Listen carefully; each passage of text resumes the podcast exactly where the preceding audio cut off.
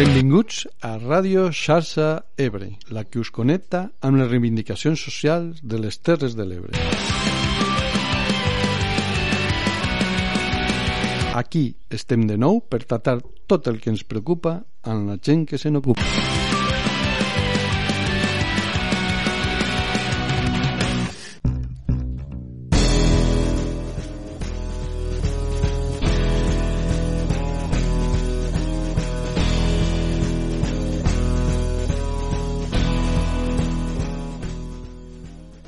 He visto que las cosas cuando buscan su curso encuentran su vacío. Hay un dolor de huecos en el aire sin gente y en mis ojos criaturas vestidas sin desnudo.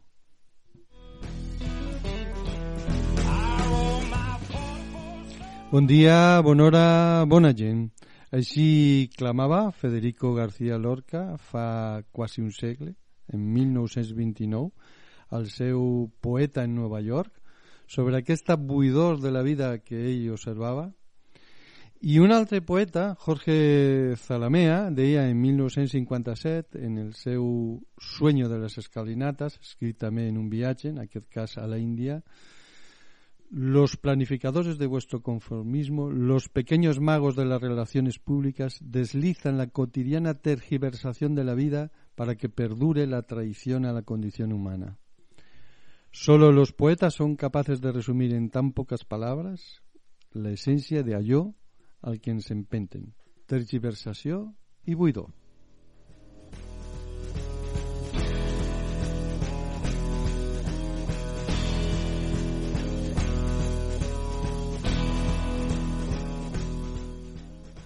Contra aquesta tergiversació que condueix a la buidor, s'alcen veus que front als freds i ampulosos informes sobre l'estat de la nació elaboren contrainformes.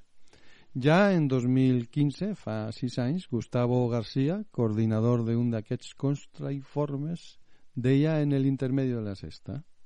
Los datos esconden unas realidades crudísimas. Si hubiese un indicador de sufrimiento en la economía, quizá nos daríamos cuenta lo que hay detrás de cada dato, detrás de cada cifra, de esas que se manejan con tanta alegría, de esas que se lanzan y ya parece que las campanas al vuelo. Y además lo gordo de esto es que va para rato. Y a veces nos insensibilizamos, es decir, volvemos a un modelo de sociedad compasiva y eso también no cuenta a veces en las estadísticas, pero te puedo decir el número de personas que atendemos en los servicios sociales. 8 millones y medio, ¿eh? Personas, 8 millones y medio. Coincide mucho con los datos de pobreza, ¿eh? La pobreza severa en España, según datos puramente económicos, 6 millones de personas de pobreza severa. Estamos atendiendo a 8 millones y medio de personas.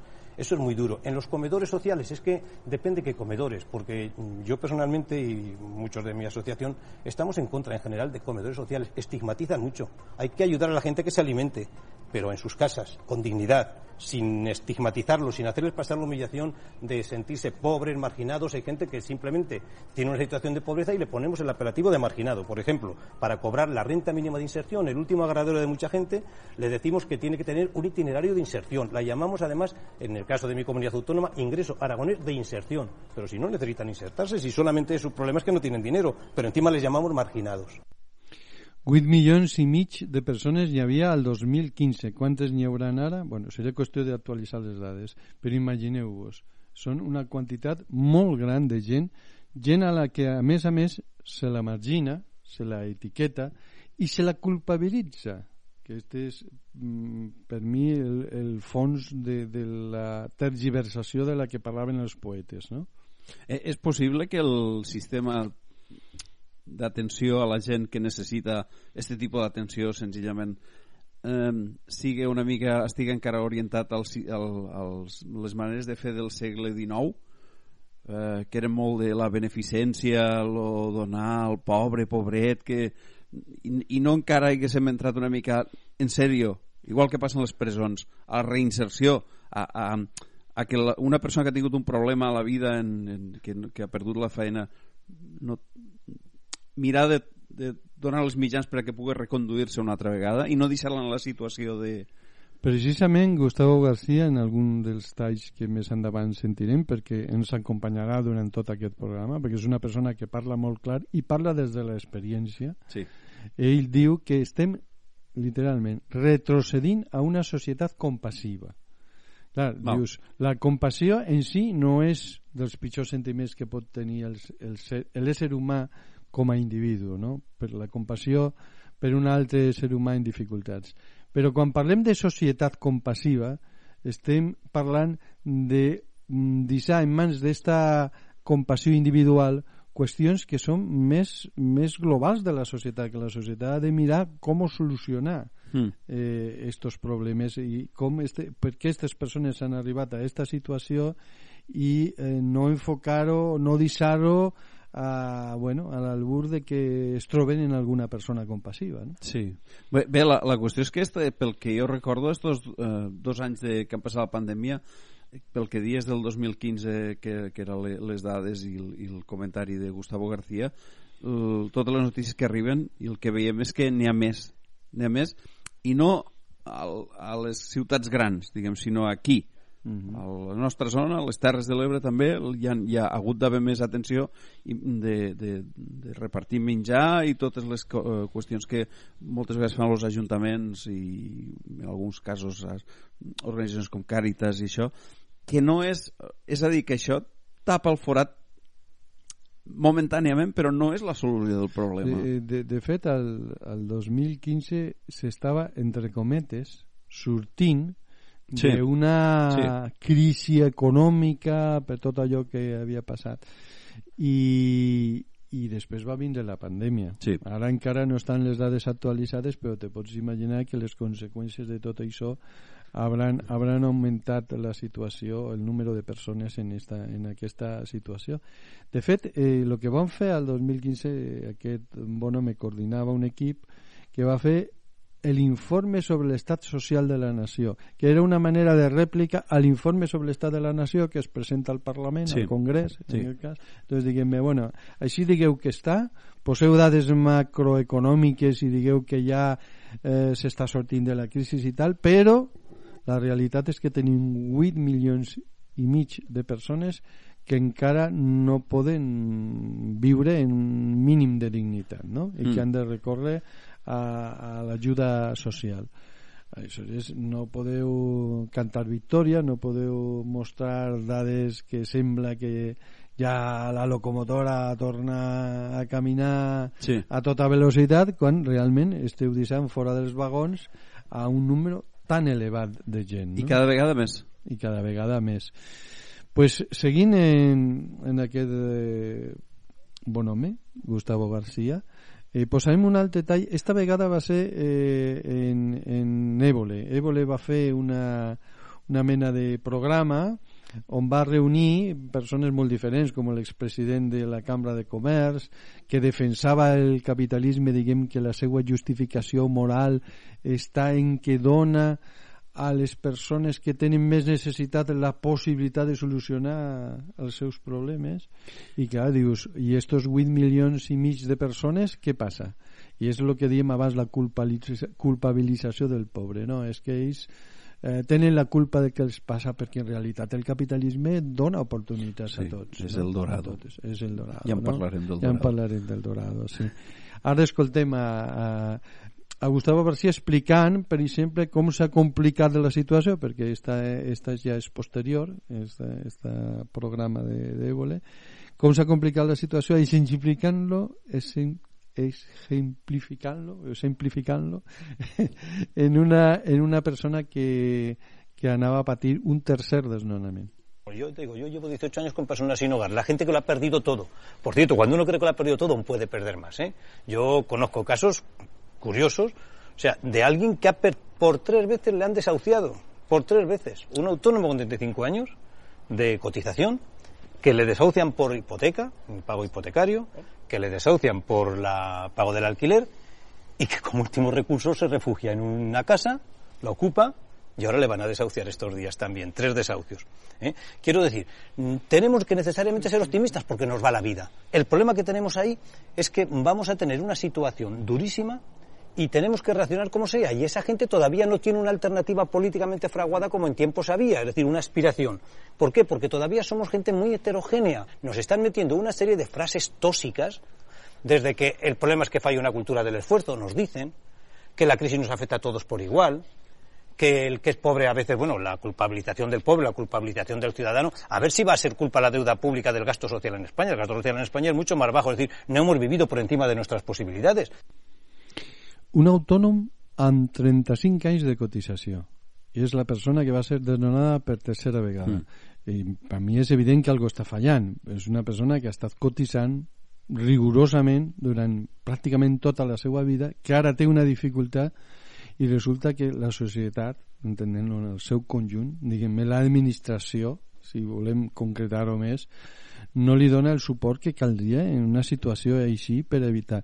També parla Gustavo de, de, de la tergiversació de les paraules, no? I, i hi ha coses del llenguatge que, se van, que van calant. Per exemple, el que altres crec que més precisament anomenen uberització, perquè és funcionar com aquesta empresa, Uber, que te contracta uh, cotxes molt elegants però en, en, en xofers que es pagats molt malament per fer la competència als taxistes, això li anomenen economia col·laborativa. Però de què? Està ple, està ple de, de, de mencions d'estes de, de canvis lèxics, de, de paraules uh, amables i pa suaus. Fer colar, sí, fer sí. colar coses. Sí, sí, I sí. després hi ha rèpliques. Hi ha, per exemple, eh, en el món anglosaxó, però crec que també s'està estenent per altres puestos, hi ha una expressió que a mi m'ha cridat molt l'atenció, perquè li diuen sinki. I el sinki eh, vol dir single income eh, without kids. O sigui, eh, si no tens més que una parella que només té un salari, pues no té xiquets, no pot tenir xiquets. Doncs té una vida sinki, single income without kids. Sí, jo no posaré tall de veu, però té, tinc un amic que és, eh, fa do, 3, 4 anys crec que ho, és una cosa que em surt recurrent a la conversa, que sempre em diu que té la sensació que estan conduint a una societat com la nord-americana, de capitalisme salvatge sense protecció, on el que volen és que cada persona tingui dos treballs o tres i va, i va tot el dia des de les 5 del matí fins a les 12 de la nit com un boig per aconseguir la plata, que diries tu, Sí. per a... Per a sí, sí, sí, sí, també el parner, el com vulguis, per a, per a, per a poder viure com, com, com està manat, diguem. I molts no ho volem, això, eh? Sí. Abans, No, abans no. se parlava de societats, bueno, en castellà es dia de pleno empleo. Hem d'anar a la societat... Ara no, ara se parla de l'activació del treballador, reinventar-se. que han de Eh? ser propositius, sí, sí, molt, molta... Emprenedors, mo- mo- emprenedors. Puc dir una, mala, una, una petita mala paraula de cinc lletres? S- Sí, puc no, dir la, no, la, no seré jo qui te la, censuraré. la merda de l'autoajuda i la merda i, i, perdó, i tota aquesta basura de, del, de, dels llibres estos eh, redactats per psicòlegs de, de que han, no sé, han, han tret la carrera exactament que, que explica tot això i del màrqueting i de ser propositius i de ser de, ah, tot això amaga que estem molt fotuts tots i, i molta gent ha de fer meravilles per a, per a mantenir-se la, per a mantenir la feina i mantenir diguem un estatus mínim per a, per a no caure en, esta, en este problema de l'exclusió i, la, i la pobresa Ara, eh, són dos cares d'una moneda. Hem de veure que, bueno, estem veient la- l'exclusió, estem veient la precarietat, estem veient la, la pobresa, no, clarament, en molta gent, la necessitat de recórrer a ajudes socials, de recórrer els desnonaments, tot això. Però, per altra banda, estem veient una evasió fiscal a lo bèstia, Sí. eh, parlant clarament. Eh, Fa anys, fa anys sí, sí, sí, eh, mm, coses com les de l'emèrit i, i moltes altres personatges que, que ara surten els Pandora Papers i abans els, els altres les societats, per exemple i poseu- no surten tots, segurament no surten tots per exemple no li diem, per què no li diem deixem de dir-li o deixen els mateixos periodistes de dir-li societats offshore a una cosa que és directament evadir. Sí, evasió, evasió. Pues ja està. i li diuen paradís. Bueno, ja, bueno, per, per, al- per al que té els diners els porta, sí, és, sí, és sí. un paradís per a tots els altres se converteix en un enfer en El un canvi de, de manera d'enfocar tot això, és, és a dir, de, la, de continuar l'evasió fiscal, també ha vingut perquè han començat a parlar-ne d'una manera com si no fos tan dolent. És a dir, sents algun periodista econòmic, per exemple, dir ah, no passa res perquè tu t'emportes els diners fora i, i, i mm, tributes allí, no passa res, perquè quan tornen o quan los reps aquí tornes a, tornen a tributar, diguem, hi ha, hi ha un moviment. Bueno, això, això passa a diferents escales. Mira, quan arriba el moment de fer la declaració de la renta, pues tothom es parla, o molta gent, es parla de mira, fes d'aquesta manera perquè tal, així t'estalviaràs, tal qual. I algunes pues, són bueno, lícites i altres pues, no tant. Però dius, escolta, a esta gent, als que cobren millonades, eh, pues li, li arriba algú i li diu, mira, d'esta manera pagaràs menys. I l'altre diu, ah, pues vale pues millor no, el tot el que sigui estalviar i que jo pugui comprar coses a millor preu i més grans i Supercares, més, sí, pues, sí. pues estupendo, clar, és normal està acceptat.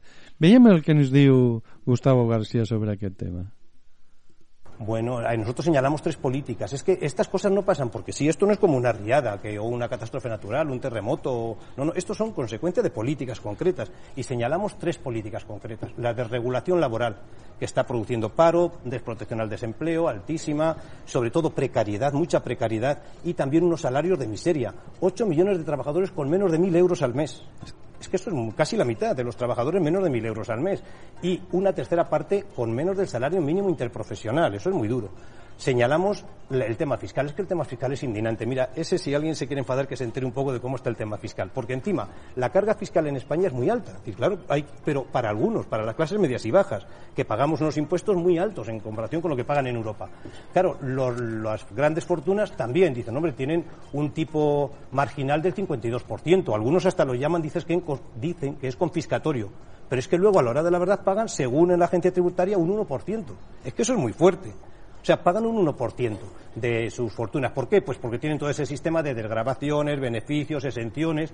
Y, y, claro, como tienen muchos asesores, pues es que al final pagan eso. O las multinacionales tienen que pagar un 30% de sus beneficios. ¿Y están pagando cuánto? Pues un 3, un 3,5%, según. a- Entonces, claro, ¿qué ocurre? Que nuestro sistema fiscal es, por un lado, muy elevado para la mayor parte de la gente, sienten que tienen mucha carga fiscal y tienen razón, con lo cual ahí habría que bajar los impuestos, pero es que a los otros no habría que subirlo, ¿no? Simplemente quitar exenciones, bonificaciones, deducciones y controlar un poco más todo eso. ¿eh? Entonces, con eso podríamos recaudar más. Si no recaudamos más, es mentira todo. Ahora que están con esa vorágine de que hay que bajar los impuestos, hay que bajar los impuestos, muchos sí que hay que bajarlos, pero si no recaudamos, y recaudamos siete puntos menos que la media de Europa, pues si no recaudamos, no podemos hacer nada. Es un Estado ultraliberal que no hace nada. desregulació laboral, evasió fiscal i una cosa que havia dit abans, que també crec que és important, que havia dit el mateix Gustavo, falta d'alternativa política. Una alternativa política creïble, no? En estos moments, amb suficient força. No ho hagués dit mai.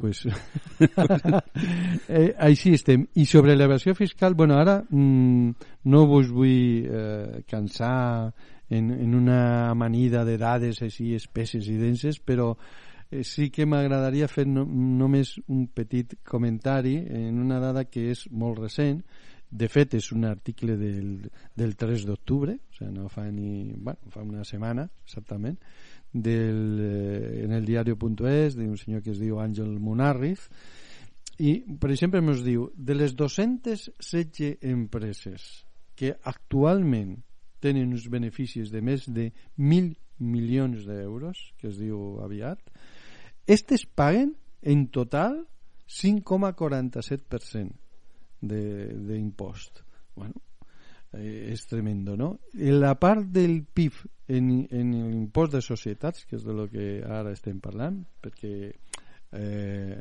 Gustavo també parlava una mica de les fortunes a nivell personal. Ara estem parlant dels imposts de les grans, de les molt grans empreses. Aleshores, el, el tant per cent del PIB eh, en l'estat espanyol és un 30% menos que la mitjana en la Unió Europea, la Unió Europea de 27, eh? en tot no els països més rics, sinó tots, tots, Sí. tots els 27. En conjunt i com mitjana, l'impost de societats se paga un 30% més en percentatge de, del producte interior brut del país. Home, i clar, en això te pots explicar mm, el problema que n'hi ha per la sanitat, el problema que n'hi ha per atendre la discapacitat, en tot això estem per baix de, de la mitjana europea per a l'ajuda a la tercera edat, que per exemple ara estan reclamant que almenys la pensió mínima sigui com el salari mínim, Mm. no sembla una reivindicació excessiva, no? i se podria pagar si no hi hagués aquesta, aquesta evasió fiscal organitzada, no? La família, la infància, la vivenda i en general tot el que es dedica a lo que diem abans, a les ajudes per evitar l'exclusió social, no? a aquests 8 milions i mig de persones o més que esmentava Gustavo García. Bé, és que lo que això va lligat una mica al que diem abans de la, la trampa és dir és que el, esta societat, eh, diguem-li capitalista, encara que hi ha ajudes de l'Estat i el que sigui, però eh, és, eh, bàsicament és capitalista a l'hora de gestionar-nos tots, eh, tots som iguals. És mentida, perquè hi ha una sèrie de gent que pot eh, mm, dotar-se d'una sèrie de serveis, una sèrie de coses que el resto de la gent no pot. Llavors, és com si corres una carrera, tu vas en una cama lligada i l'altre senyor va en un cotxe i dius, no, no és que no, no el podré agafar mai, no, no, és que tampoc és qüestió d'agafar. Aquí ve l'altre. Si algú te vol fer molts de diners, da, pues, pues perfecte, escolta, fes molts de diners i acumula el tio Gilito i compta els diners, però has de permetre que el visca tothom, diguem. Com dia un senyor que, que conec, lo sol surt per tots. I com que surt per tots, tots hem de tindre oportunitats i, i, i, dret a, i tenim dret a, a, i deures també, però tenim dret a, a posar una vida digna, mm. digna. Deia, deia Gustavo García que alguns diuen que els impostos poden arribar a ser confiscatoris perquè poden arribar a ser del 52%. Però això és nominal en la realitat ja estem veient que és moltíssim, moltíssim, moltíssim menys. A veure, els que els cau el 50 i pico per cent normalment sol ser a, als, als els petits, mitjans, els que... No, és que els petits mitjans no arriba a, al 52. Eh, és que aquí hi ha un problema. No, no, normalment els petits mitjans pues, està sobre el 20 o per ahí, no? Depèn.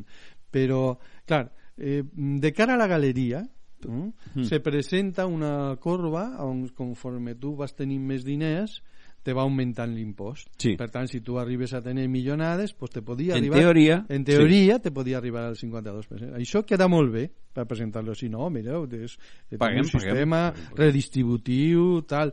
Però a l'hora de l'hora, com després estan, el que deia Gustavo, bonificacions, exencions, SICAFs, eh, trucos varios, al final això queda reduït en un 5% per a les empreses i en algun cas a un 1%, com esmentava ahir, per a fortúnies particulars. Doncs és, és, és, és, jo me recordo una vegada mirant els pressupostos generals de l'Estat, eh, com se desglossaven, eh, jo no tinc molts, per dir, quasi res de coneixements d'economia, de, molt poquet, però bueno, mirant les xifres i dia, bueno, pues escolta, eh, aquí la distribució no sembla tan mal i algú me va dir, algú que en tenia més me va dir, no, no, mira, aquí hi ha moltes partides d'estes opaques que són les que redistribueixen de lo que nominalment apareix a lo que realment acudeix. És a dir, si interessa que no apareixa molts diners dedicats, per dir alguna a les forces armades, pues aleshores ahí apareixerà una quantitat més reduïda, però després hi ha una mena de fons reservats Val. per entendre'ns sí. on van les partides Això que reequilibren. Ho suposo que està tachat en negre perquè no eh. ho vegi ningú. Està el pressupost cara a la galeria i està el pressupost real. I en això, en lo dels impostos, passa el mateix. Cara a la galeria pot arribar a un 50% confiscatori de condicions, a la pràctica pues estos no paguen més d'un 5%. Bueno, i. I, I nosaltres, és de, és que estem eh, mitjana cap avall de la taula, pues paguem 20 o i llavors no es pot bé. atendre la sanitat, no es poden atendre les persones en, en, en perill d'exclusió, no es pot atendre eh, mil coses que són necessàries per a que la, eh, la societat funcioni millor, senzillament. Pues bueno, ara... Cultura, la llista és llarga. És llarga, sí. és llarga. Uh, ara us deixem uns minutets uh, en Rosalén i una molt bonica cançó que és seua, que es diu Aves enjaulades i tornem per fer la segona part del programa. Cuando salga de esta iré corriendo a buscarte. Te diré con los ojos lo mucho que te echo de menos.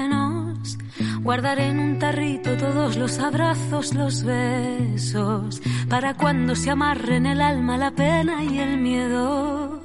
Me pondré ante mi abuela y de rodillas pediré perdón por las veces que la descuide Brindaremos por los que se fueron sin despedida otra vez, otra vez.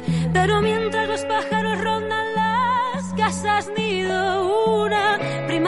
radiante avanza con sigilo. He zurcido mis telitas rotas con aguja y hilo. Me he mirado, valorado, he vivido. Somos aves enjauladas con tantas ganas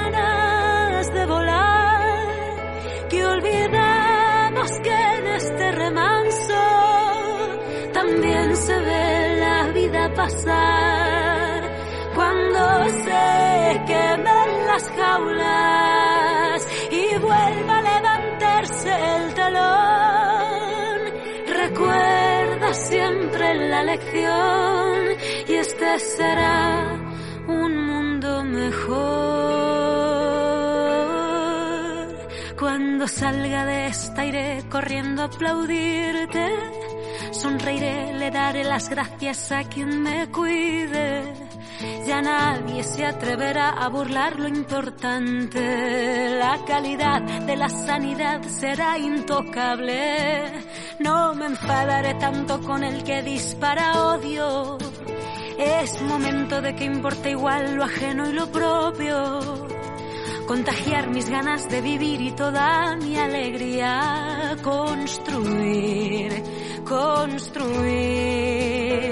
Pero mientras el cielo y la tierra gozan de un respiro, reconquistan los animalitos rincones perdidos.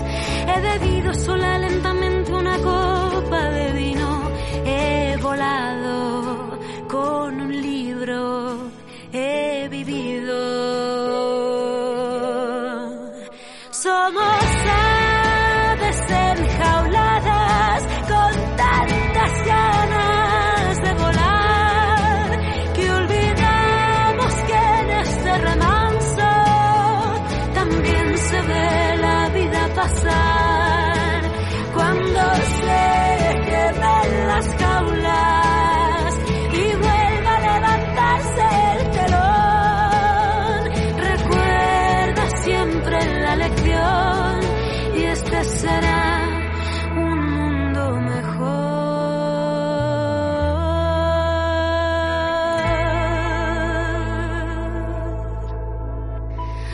salga de esta iré corriendo a abrazarte.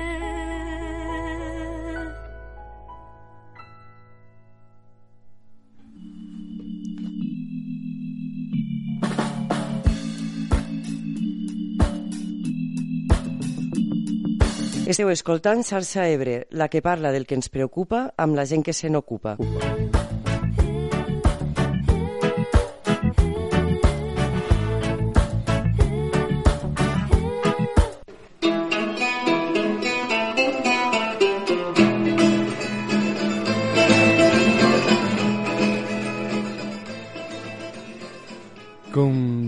suposo que heu endevinat, el tema d'aquest mes serà precarietat, exclusió social, tot això de lo que venim parlant en aquest programa.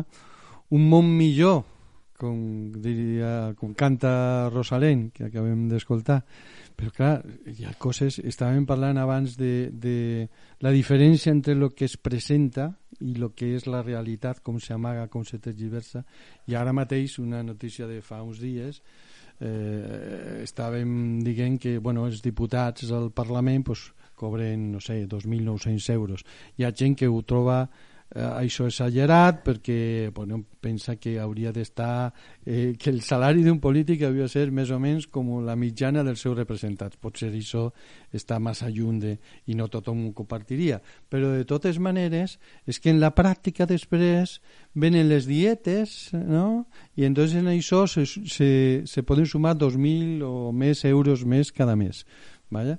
I entonces dius, veus, aparentment no tenen un salari tan exagerat com també passa en altres càrrecs, eh? passa en el president del govern, que te diuen, bueno, és que qualque, qualsevol empresari d'alt nivell cobra més que el president del govern. Però és que hi ha una cosa és el que es presenta perquè queda bé i altra cosa és després la realitat Sí, sí. Eh, en dietes i en altres moltes històries que, que es poden fer sempre mm, això, la tergiversació que diuen els poetes al principi no? Sí. la tergiversació de la vida quotidiana i això, si no lluitem contra aquesta tergiversació, pues, ens porta com deia també Federico García Lorca a la buidor Sí. a anar no ets, o sea, es veu el vestit però resulta que, com diu ell, en mis ojos criatures vestides sin desnudo.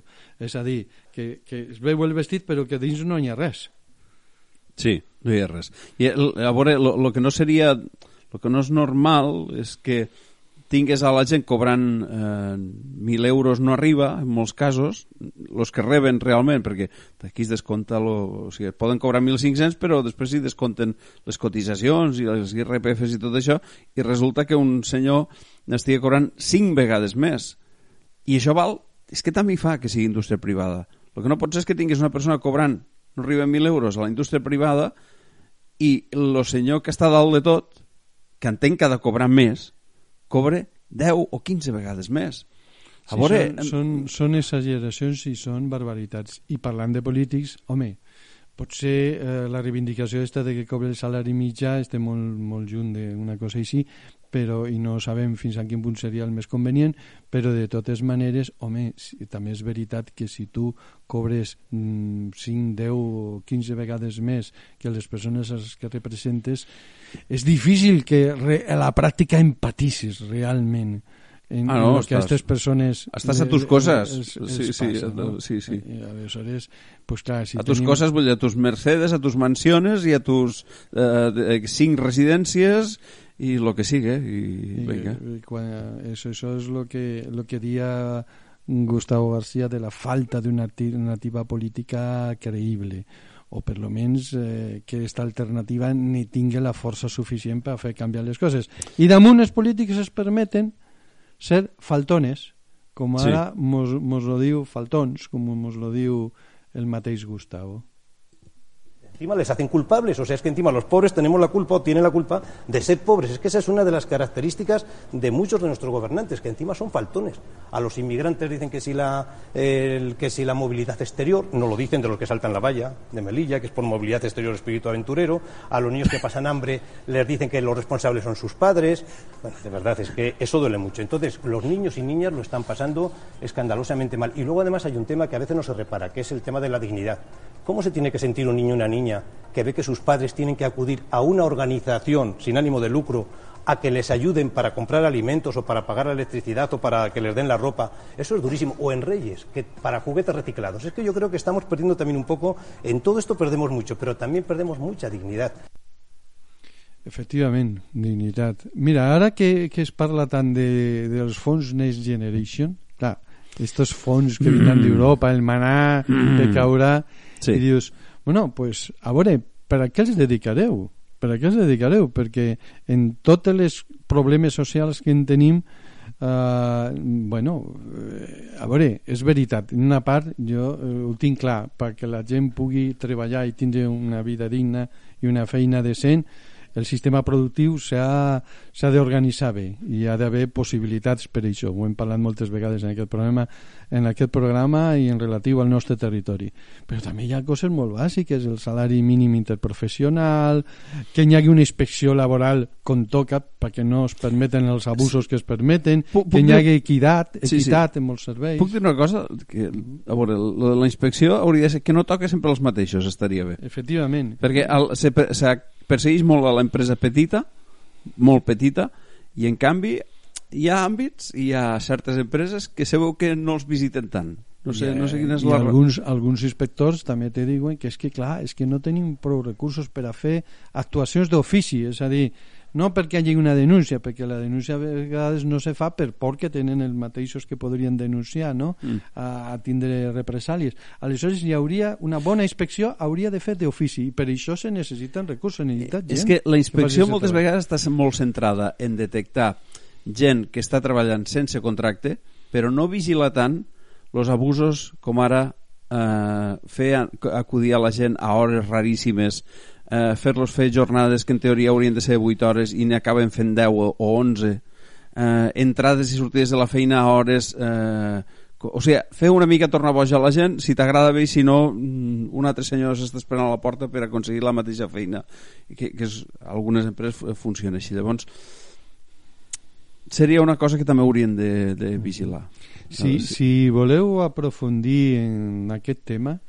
Us volem, volem. Us recomano un llibre que, que per cert també ho fa l'Àngel Munar, i està l'article que esmentava abans, que es diu Vides, Vidas Low Cost, ser joven entre dos crisis eh, coordinat per Javier Puello. Sí. en fi, és un llibre molt interessant molt, perquè aprofundís en, precisament en tot això que estem parlant la precarietat, l'exclusió i el que n'hi ha darrere i És- per què es produeix. És que, clar, si els senyors joves que ara han d'entrar al mercat laboral o estan intentant entrar picant a la porta deixa'm entrar i no, i no poden en- entrar o, o, o, en, o estan entrant en sous i en, i en feines molt precàries no poden entrar, entrem a l'espiral fatídica de no, no, no hi ha cotització no hi ha gent no, no, es, uh, no es poden pagar les pensions ostres i ja, estem, ja ho tenen servit los neocapitalistes eh, estos senyors del, eh, neocapitalistes ah, llavors comencen a sortir a dir que no es pot ser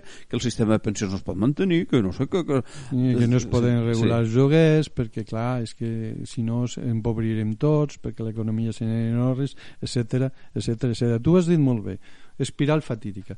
Precisament eh, l'espiral fatídica és el que fa que aquestes situacions se vagin complicant cada vegada més, que una situació de, de pobresa se convertisca en una situació de llarga durada i, es, i passi a ser exclusió. sí.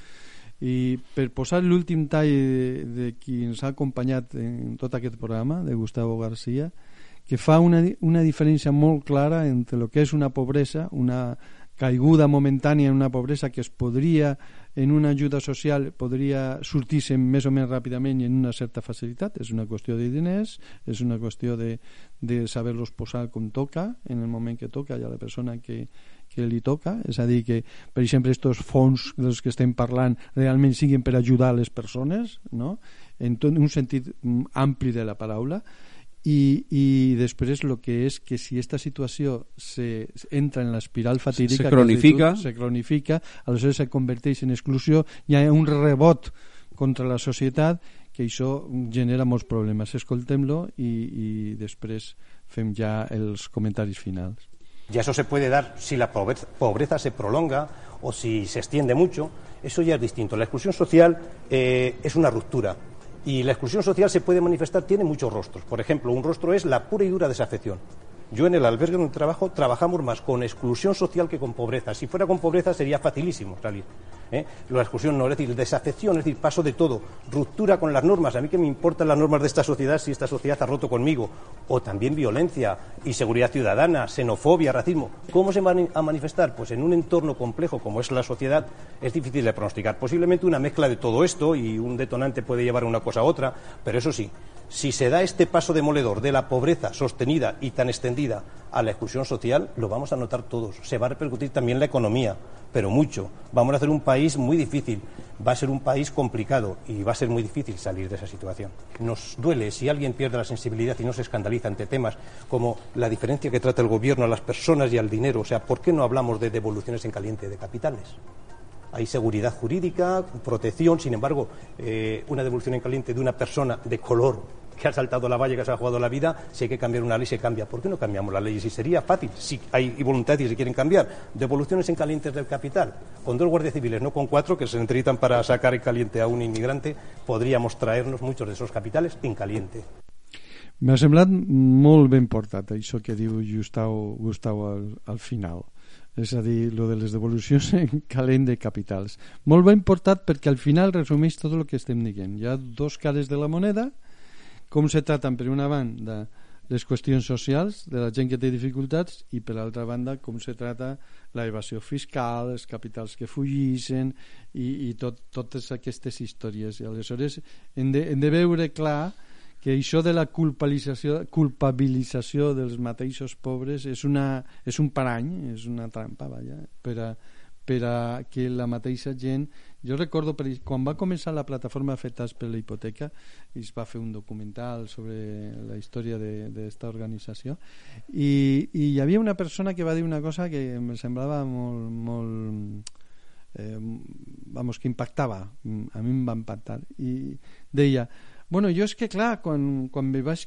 quan me vaig quedar sense casa, quan em van desnonar, aleshores eh, vaig sentir, me va sentir culpable que me vaig dir on va anar jo ara pf, eh, estic en la ruïna i he portat a la meva família una situació desesperada eh, vaig pensar en suïcidi totes aquestes coses i algunes persones de fet se van suïcidar bastants persones mm. se van suïcidar però després vaig descobrir que existia una organització, em van posar en contacte, vaig veure que altres persones també havien patit el mateix, vaig començar a veure que era un problema col·lectiu, vaig començar a veure que era tot un muntatge en el que ens havien portat a molta gent, tot un parany, tot una cosa, i aleshores la meva vida va canviar. Sí. I això pot ser els que este salt és el que moltes vegades ens fa falta per a, per a evitar este parany, esta, esta, esto que deia Zalamea, ¿no? La, eh, que he llegit al principi, ¿no? Los planificadores de vuestro conformismo, los pequeños magos de las relaciones públicas que deslizan la cotidiana tergiversación de la vida para que perdure la tradición a la condició humana, perquè trair a la condició humana és deixar a 8 milions i mig de persones sense poder viure amb dignitat. No oblidem que estem a un país que una de les eh, una de les unitats o una de les, de les formacions, eh, no em surt la paraula, que, que ajuda entre cometes, a l'Estat a que les cops no siguin tan forts és la família. Estem a un país que les famílies són les que moltes vegades fan de tampó per evitar que un, problema, si un fill té un problema eh, momentani o, o, sí, o una persona de la família, és la família que acudís moltes vegades a ajudar en, en els diners i això momentàniament se pot fer, però clar, si anem reduint la capacitat d'estalvi de la gent perquè els sous són cada vegada més petits, arri arriba un punt que les famílies no tenen capacitat per ajudar. I si se redueix el poder adquisitiu de les pensions, quanta gent Exacte. ha, ha pogut mantenir-se eh, gràcies a les pensions mateix, anem en moment de crisi i sin embargo ara les volen bueno, ara sembla que s'ha produït una reacció sí. per a per a, per a millorar les pensions, però és que estava sent escandalós. Sí. Jo repasseu una mica els programes de Xarxa Ebre, perquè a xarxaebre.net, per cert, o a l'Ivox, perquè n'hem parlat més vegades, entre elles de, de, de la feina que fan les dones, han fet les dones de, de manera, des de sempre, d'ajudar, o sigui, de fer la, la feina a l'Estat portant, pujant els fills. Eh, gratis, Eh? Clar, és que, és, és, mira, eh, els que estudien aquestes coses, no? els sociòlegs i demás diuen l'Europa del Sud eh, és fonamentalment eh, descansa molt sobre la institució de la família, sí. sobre el suport familiar.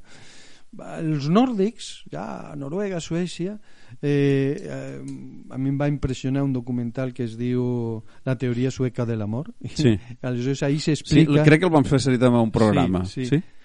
Pues ahí s'explicava que quan ja tenen 18 anys eh, diguem-ne, ja la família no se n'ha d'ocupar. Si, el, si, el, si el noi o noia té algun problema, ha de ser l'Estat.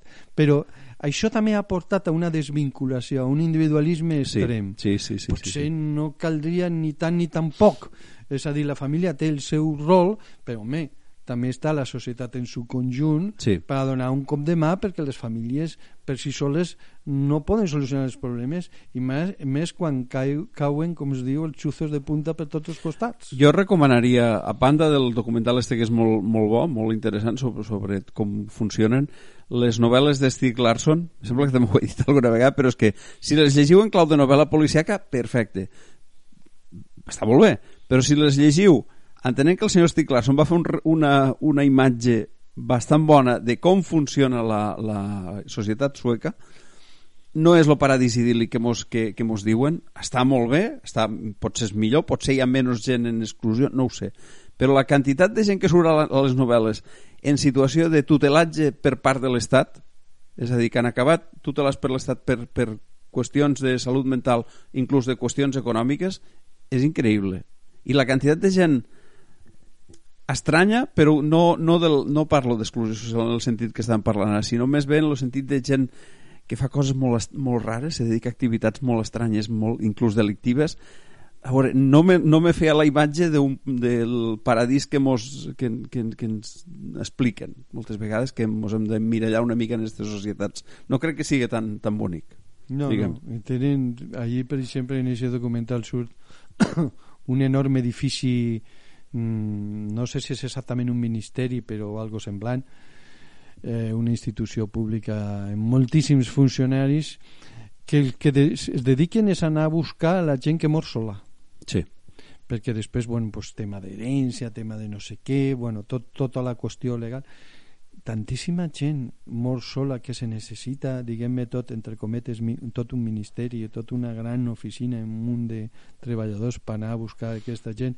És a dir, l'individualisme extrem, la desvinculació dels lligams eh, familiars i tot això, no és tampoc una cosa bona, però deixar eh, eh, en la responsabilitat de les famílies eh, bueno, donar un cop de mà a, a un membre que té dificultats sense que hi hagi un suport social com toca tampoc és el millor Sí, hauríem sí. de trobar hem de trobar un, un equilibri en aquestes coses eh, Alemanya tindrà moltes coses no? mm, positives i negatives però mira, en este tema de, de, de les ajudes socials potser no està tan malament no és I potser Alemanya estigui entremig, diguem. Mm. Geogràficament, evidentment, Mm. entre el sud i el nord hi haguem aconseguit arribar un cert equilibri entre, entre el, diguem, la suport familiar i el suport de l'Estat, una Sí, mica les dues sembla, coses. Sembla, jo no ho conec Jo en, tampoc. en tota Sí, profunditat, Jo tampoc, jo tampoc. però bueno, sí sé que els països nòrdics tenen aquests problemes i que nosaltres tenim els altres. Preparem un programa. bueno, és que els programes necessitem gent de les Terres de l'Ebre que perquè tot això és preparació, lo estem posant en un context general. Precisament ara us deixarem en una música preciosa de, de Revolver, m'has dit Carlos Sí, Goñi. Carlos Goñi, sí, Carlos senyor. Goñi de Revolver, que es diu El Dorado, no us la pergueu, i després us parlarem dels els convidats, les convidades, les persones convidades al proper programa de debat ja en, en gent d'aquí, de, de Terres de l'Ebre, que es dedica a aquests temes, la gent que se n'ocupa d'allò que ens preocupa. Exacte, sí senyor.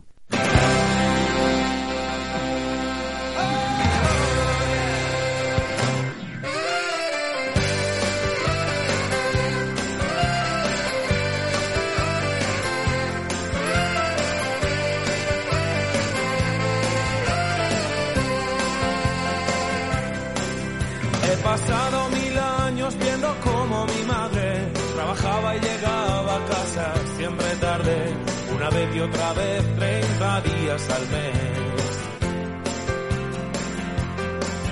Cada noche después de estar ya acostado, la sentía abrir la puerta de mi cuarto, cambio olerme crecer por comer a diario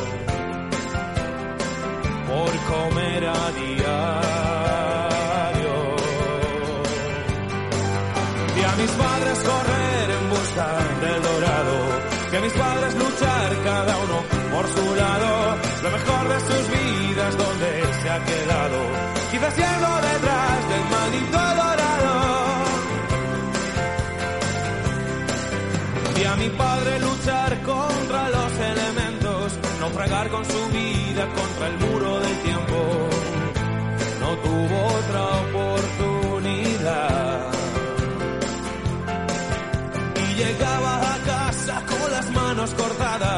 montar con las manos armarios de chapa. No tuvo otra oportunidad. Otra oportunidad. Vi a mis padres correr en busca del dorado. Vi a mis padres luchar cada uno por su lado. Lo mejor de sus vidas donde se ha quedado. Quizás yendo detrás del maldito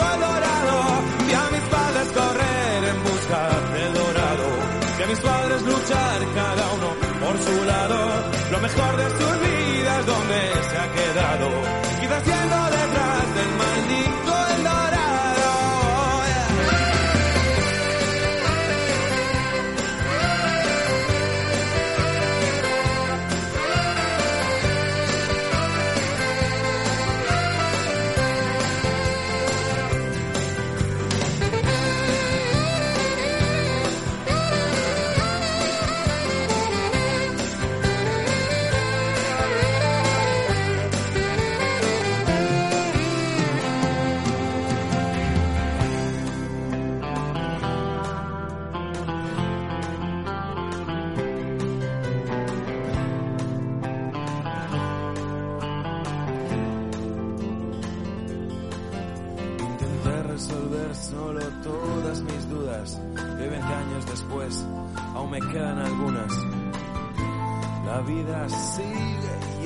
También.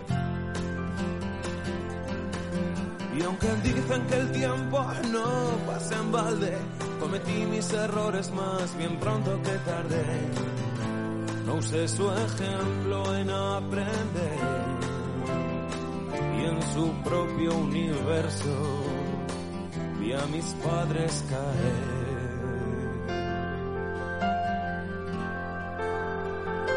A mis padres caer. Vi a mis padres correr en busca del dorado. Vi a mis padres luchar cada uno por su lado. Lo mejor de sus vidas donde se ha quedado. Quizás siendo detrás del maldito dorado. Bé, doncs en això anem arribant al final del programa, però no volíem acabar-ho sense eh, explicar-vos una miqueta qui, qui vindrà al, al programa de la setmana que ve, un programa de conversa, debat. Eh, tindrem a Chaimae, Chaimae mm, pertany a, a una associació que es diu Reacciona, de joves, eh, que va sortir d'Atzavara, però que d'alguna manera ja funciona una mica de forma independent, i que precisament representarà a, als joves i la precarietat en la que moltes vegades es troben. I, i després i després també tindrem a, a Rubén. Mm, Rubén és el director d'una residència, d'una residència que es diu La Duna, està en Deltebre, no vaig equivocat, i que, bueno, allà tenen tant discapacitats eh, intel·lectuals com gent eh, en trastorns de conducta. Bueno, són dos tipus d'exclusió de, eh, que se combat eh, d'aquesta manera, en la que treballa Rubén, Rubén mitjançant aquesta residència i que és interessant veure, a més, com, com ho gestionen estos dos grups estan junts no? en, la mateixa, en la mateixa entitat. Bueno, són dos exemples, eh, potser aconseguim alguna més, però de moment tenim confirmats estos dos, eh, dos exemples de, de com es tracta o com, de persones que treballen en, en, en, bueno, en relació a un perill d'exclusió social, ben sigui per la precarietat laboral, ben sigui per altres tipus de problemes com discapacitats intel·lectuals, trastorns de conducta, etc etc. I en ells volem reflexionar en conjunt en relació al nostre territori com està la situació. I ja sabeu, eh, em podeu connectar a través de sassaebre.net el, dia de, el dia del programa, diumenge vinent, a les 12 si esteu escoltant-lo en directe, i hi ha un, quan entreu a xarxa.net un botonet verd que us condueix al reproductor del programa i a baix del reproductor del programa està el, el chat per a que ens podeu deixar les opinions, podeu comentar, podeu fer preguntes a les persones convidades perquè us contesten ahir mateix. Eh, que, sí, sí, només dic que estem desitjant que participeu, sí. que ens agradaria moltíssim, eh? perquè bueno, ara que estem a, les, a totes a, a un munt de ràdios diguem sí, eh? sí, estem a, a, en este moment ens retransmeten sis ràdios quatre d'elles en directe i bueno, que són la Plana Ràdio Ràdio Joventut la Sènia Ràdio i Ràdio Tortosa Aleshores, eh, els que ens esteu escoltant en directe podeu intervenir al xat en el moment i fer preguntes en directe. Els que ens escolteu en diferit, bé perquè algunes d'aquestes emissores fan una retransmissió o bé perquè ja que la seva programació no ha permès que pugui ser el programa en, en, en diumenge ho fa un altre dia de la setmana. També podeu entrar al xat en qualsevol moment i deixar una pregunta plantejada o deixar un comentari o deixar un suggeriment. I a més a més teniu el telèfon. 698 39 30 63 repetim 698 39 30 63 i a xarxaebre.net podeu a veure tots els debats i els últims programes. I si voleu eh, vols tots o estar al dia o que us avisen quan se fa un nou programa podeu entrar a l'iVox, a Sassaiba i buscar allí hi ha tres tres eh, grapats de programes, diguem, els debats, pròpiament dit, que es diu així, els debats de Salsa Ebre, els diumenges de Salsa Ebre, que són els altres programes com aquest, que no són mm, en persones convidades, uh -huh. i les entrevistes de Salsa Ebre, per si voleu ampliar algunes de les entrevistes que fem i de les que al programa tenim només uns fragments, allí les podeu escoltar senceres.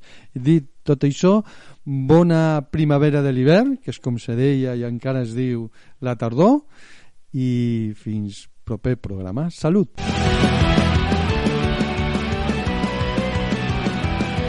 T'esperem a la propera emissió de Xarxa Ebre. Ens trobaràs al WordPress, al Gmail, Facebook, Twitter i a l'Ivox. Sempre amb aquesta etiqueta, Xarxa Ebre.